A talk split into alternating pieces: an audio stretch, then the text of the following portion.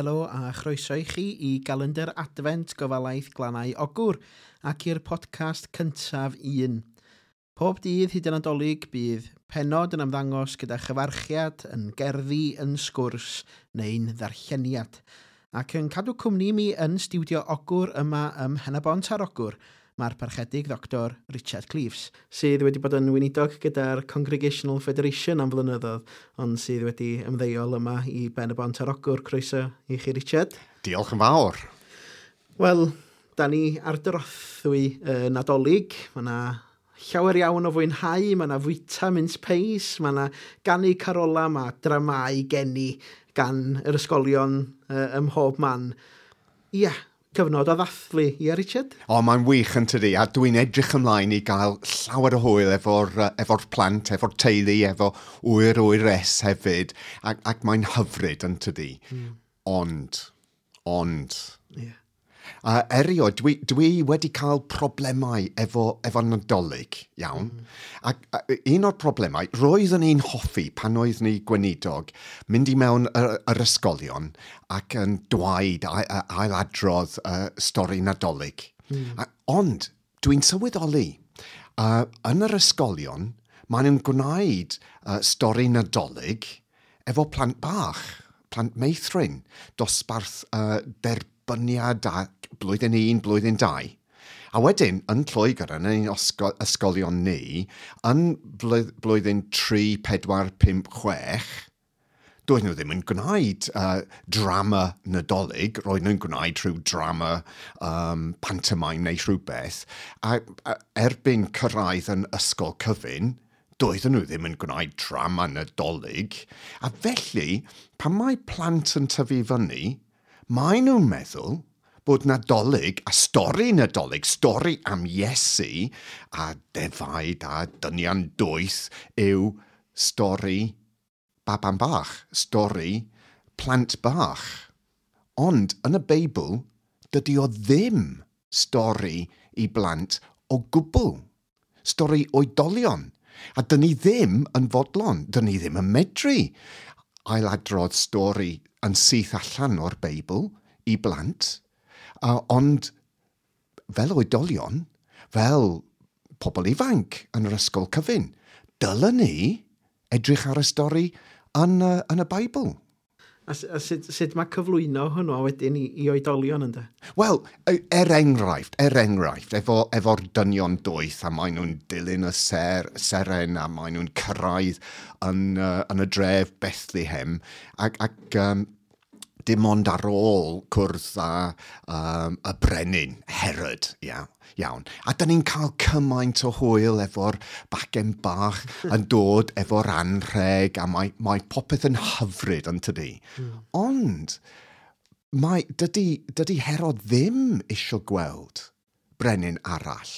A nid rhywbeth doniol yw hwn, rhywbeth hollol o ddifri. Mm. A dyma'r stori uh, yn, yn benod 2, efengil Matthew, a dwi'n mynd i, i ddarllen, iawn? Mhm. Ar ôl iddyn nhw fynd, uh, sef y, y, y dynion doeth, ar ôl iddyn nhw fynd adre um, ar rhyw ffordd uh, gwahanol, ar ôl iddyn nhw fynd, cafodd Iosef fraiddwyd arall. Gwelodd angel Dyw yn dwaid wrtho, rhaid i chi ddianc, ar unwaith – Dos ar plentyn a'i fam i'r aifft ac aros yno nes i mi ddwaid ei bod yn saff i chi ddod yn ôl. Mae Herod yn ceisio dod o hyd i'r plentyn er mwyn ei ladd. Felly, cododd Joseph ganol nos a gadael am yr aifft gyda'r plentyn a'i fam. Yeah. Waw. Mm. Pan ti'n ti edrych ffoaduriaid ydyn nhw. A mae rhaid iddyn nhw uh, mynd i'r aifft. Yeah. Pam? Wel, dyn ni'n darllen ymlaen, yn tydyn. Bion nhw yn yr aifft nes oedd Herod wedi marw. Felly, daeth beth ddwedodd yr arglwydd drwy'r proffwyd yn wir galwais fy mab allan o'r aifft. Aeth Herod yn wyllt gan ddeiriog pan sylweddolodd fod y gwyr doeth wedi'i dwyllo. Anfonodd filwyr i Bethlehem a'r cilch i ladd pob bachgen bach dan ddwy flwydd oed, hynny ar sail beth oedd y gwyr doeth wedi ddwaid wrtho am y dyddiad y daeth y seren i'r golwg. A dyna sut daeth geiriau y proffwyd Jeremiah yn wir. Mae criw, cri. Mae cri i'w chlywed yn rama. Sŵn wylo, chwerw a galaru mawr. Rachel yn crio am ei phlant. Mae'n gwrthod cael ei chysuro am ei bod nhw wedi mynd. Waw, dyma stori i oedolion a stori sy'n mor bwysig i ni eleni. Mm. Tasan nadolig ddim ond stori plant, stori hyfryd, dim ond dathlu, dim ond mince pies a pethau felly. Wel, sut ydyn ni yn medru cael hwyl yn y byd tywyll yma eleni? Ond, hmm. stori nadolig yw stori ar gyfer beth sy'n mynd ymlaen rwan. Yeah. O ble mae'r pobl Gaza yn, yn fflio? Mm. Tia pa ffordd yw'r hostages yn, yn, yn mynd rwan pan dyn ni yn, yn sgwrsio heddiw. Mae'n yn mynd i'r aifft. Wrth gwrs, wrth gwrs. Raffa Crossing, mm. i'r aifft. Mm. Dyma'r stori. Yeah. Be sy'n mynd ymlaen yn Bethlehem heddiw? Mm. Um, pan, uh, ddaru ni ymweld â Bethlehem o 15-16 o flynyddoedd yn ôl a sylweddoli uh, dref 30,000 o bobl, 35,000 o bobl, heb glaswellt tu mewn y dref, efo wal uh, 30 o droedfed um, yn mynd o gwmpas y ddinas. A chymod, ti'n sylweddoli ar y pryd 15 o flynyddoedd yn ôl, sefyllfa ofnadwy tu mewn y ddinas Bethlehem, y dref Bethlehem. Eleni, a, a, a pan oedd ni'n um, mynd i Bethlehem, roedd ni'n cysylltu â bobl yn Bethlehem. Yn Bethlehem Bible College, mm. a dyn ni wedi cael, cadw cyswllt ers hynny, dyn ni wedi cefnogi The Shepherd Society, a maen nhw'n gweithio yn Bethlehem, yn Gaza hefyd, mm. uh, trwy'r blynyddoedd.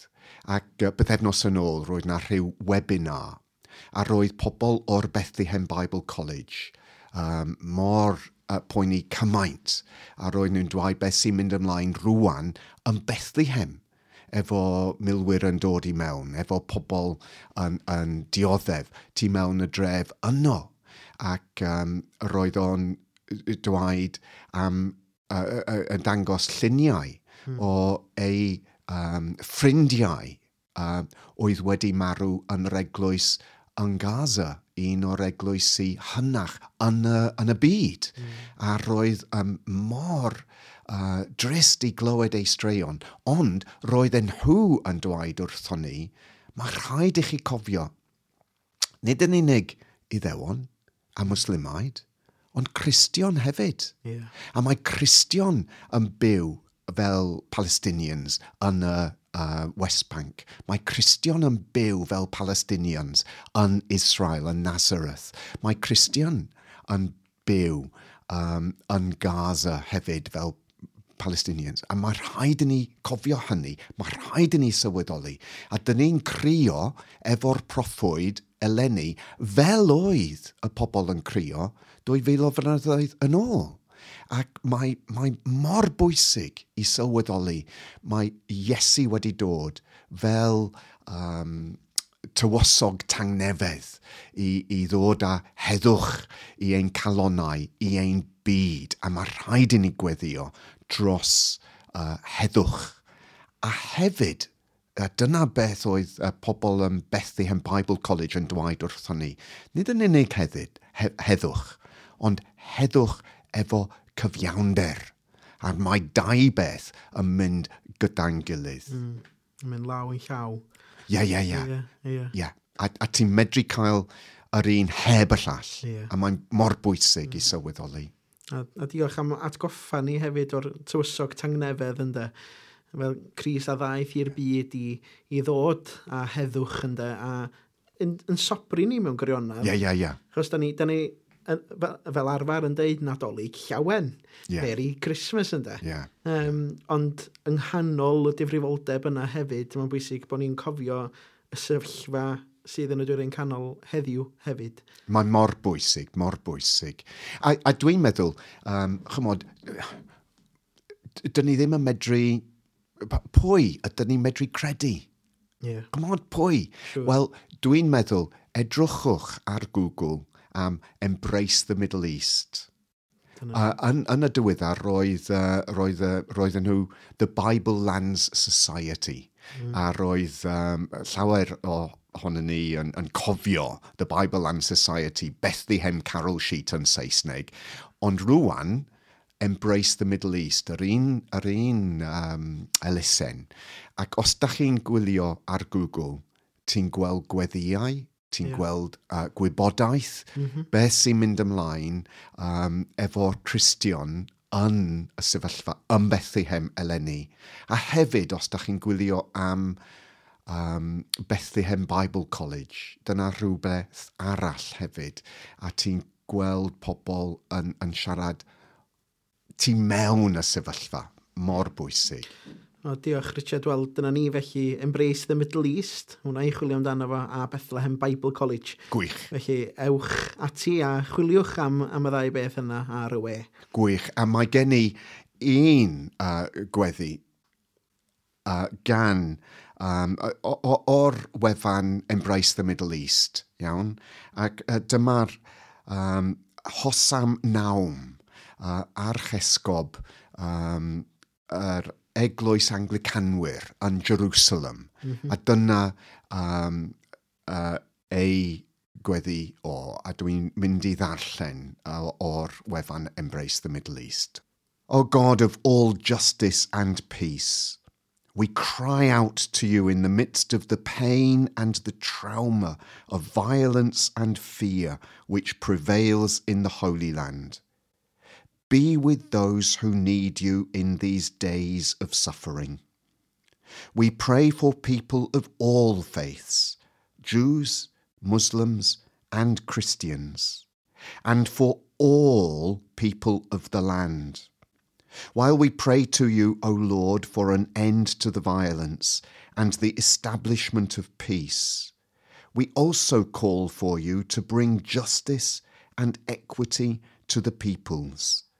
Guide us into your kingdom, where all people are treated with dignity and honour as your children. For to all of us, you are our Heavenly Father. In Jesus' name we pray. Amen. Wel ia, amen. Wel, diolch o galon, Richard, am rannu gyda ni yr hyn sydd yn digwydd yn Methlehem heddiw. Diolch yn fawr iawn am gadw cwmni i mi. Diolch yn fawr. Cofiwch ymuno gyda ni pob dydd drwy gyfnod yr advent ar gyfer calendar advent gofalaeth Glanau Ogwr.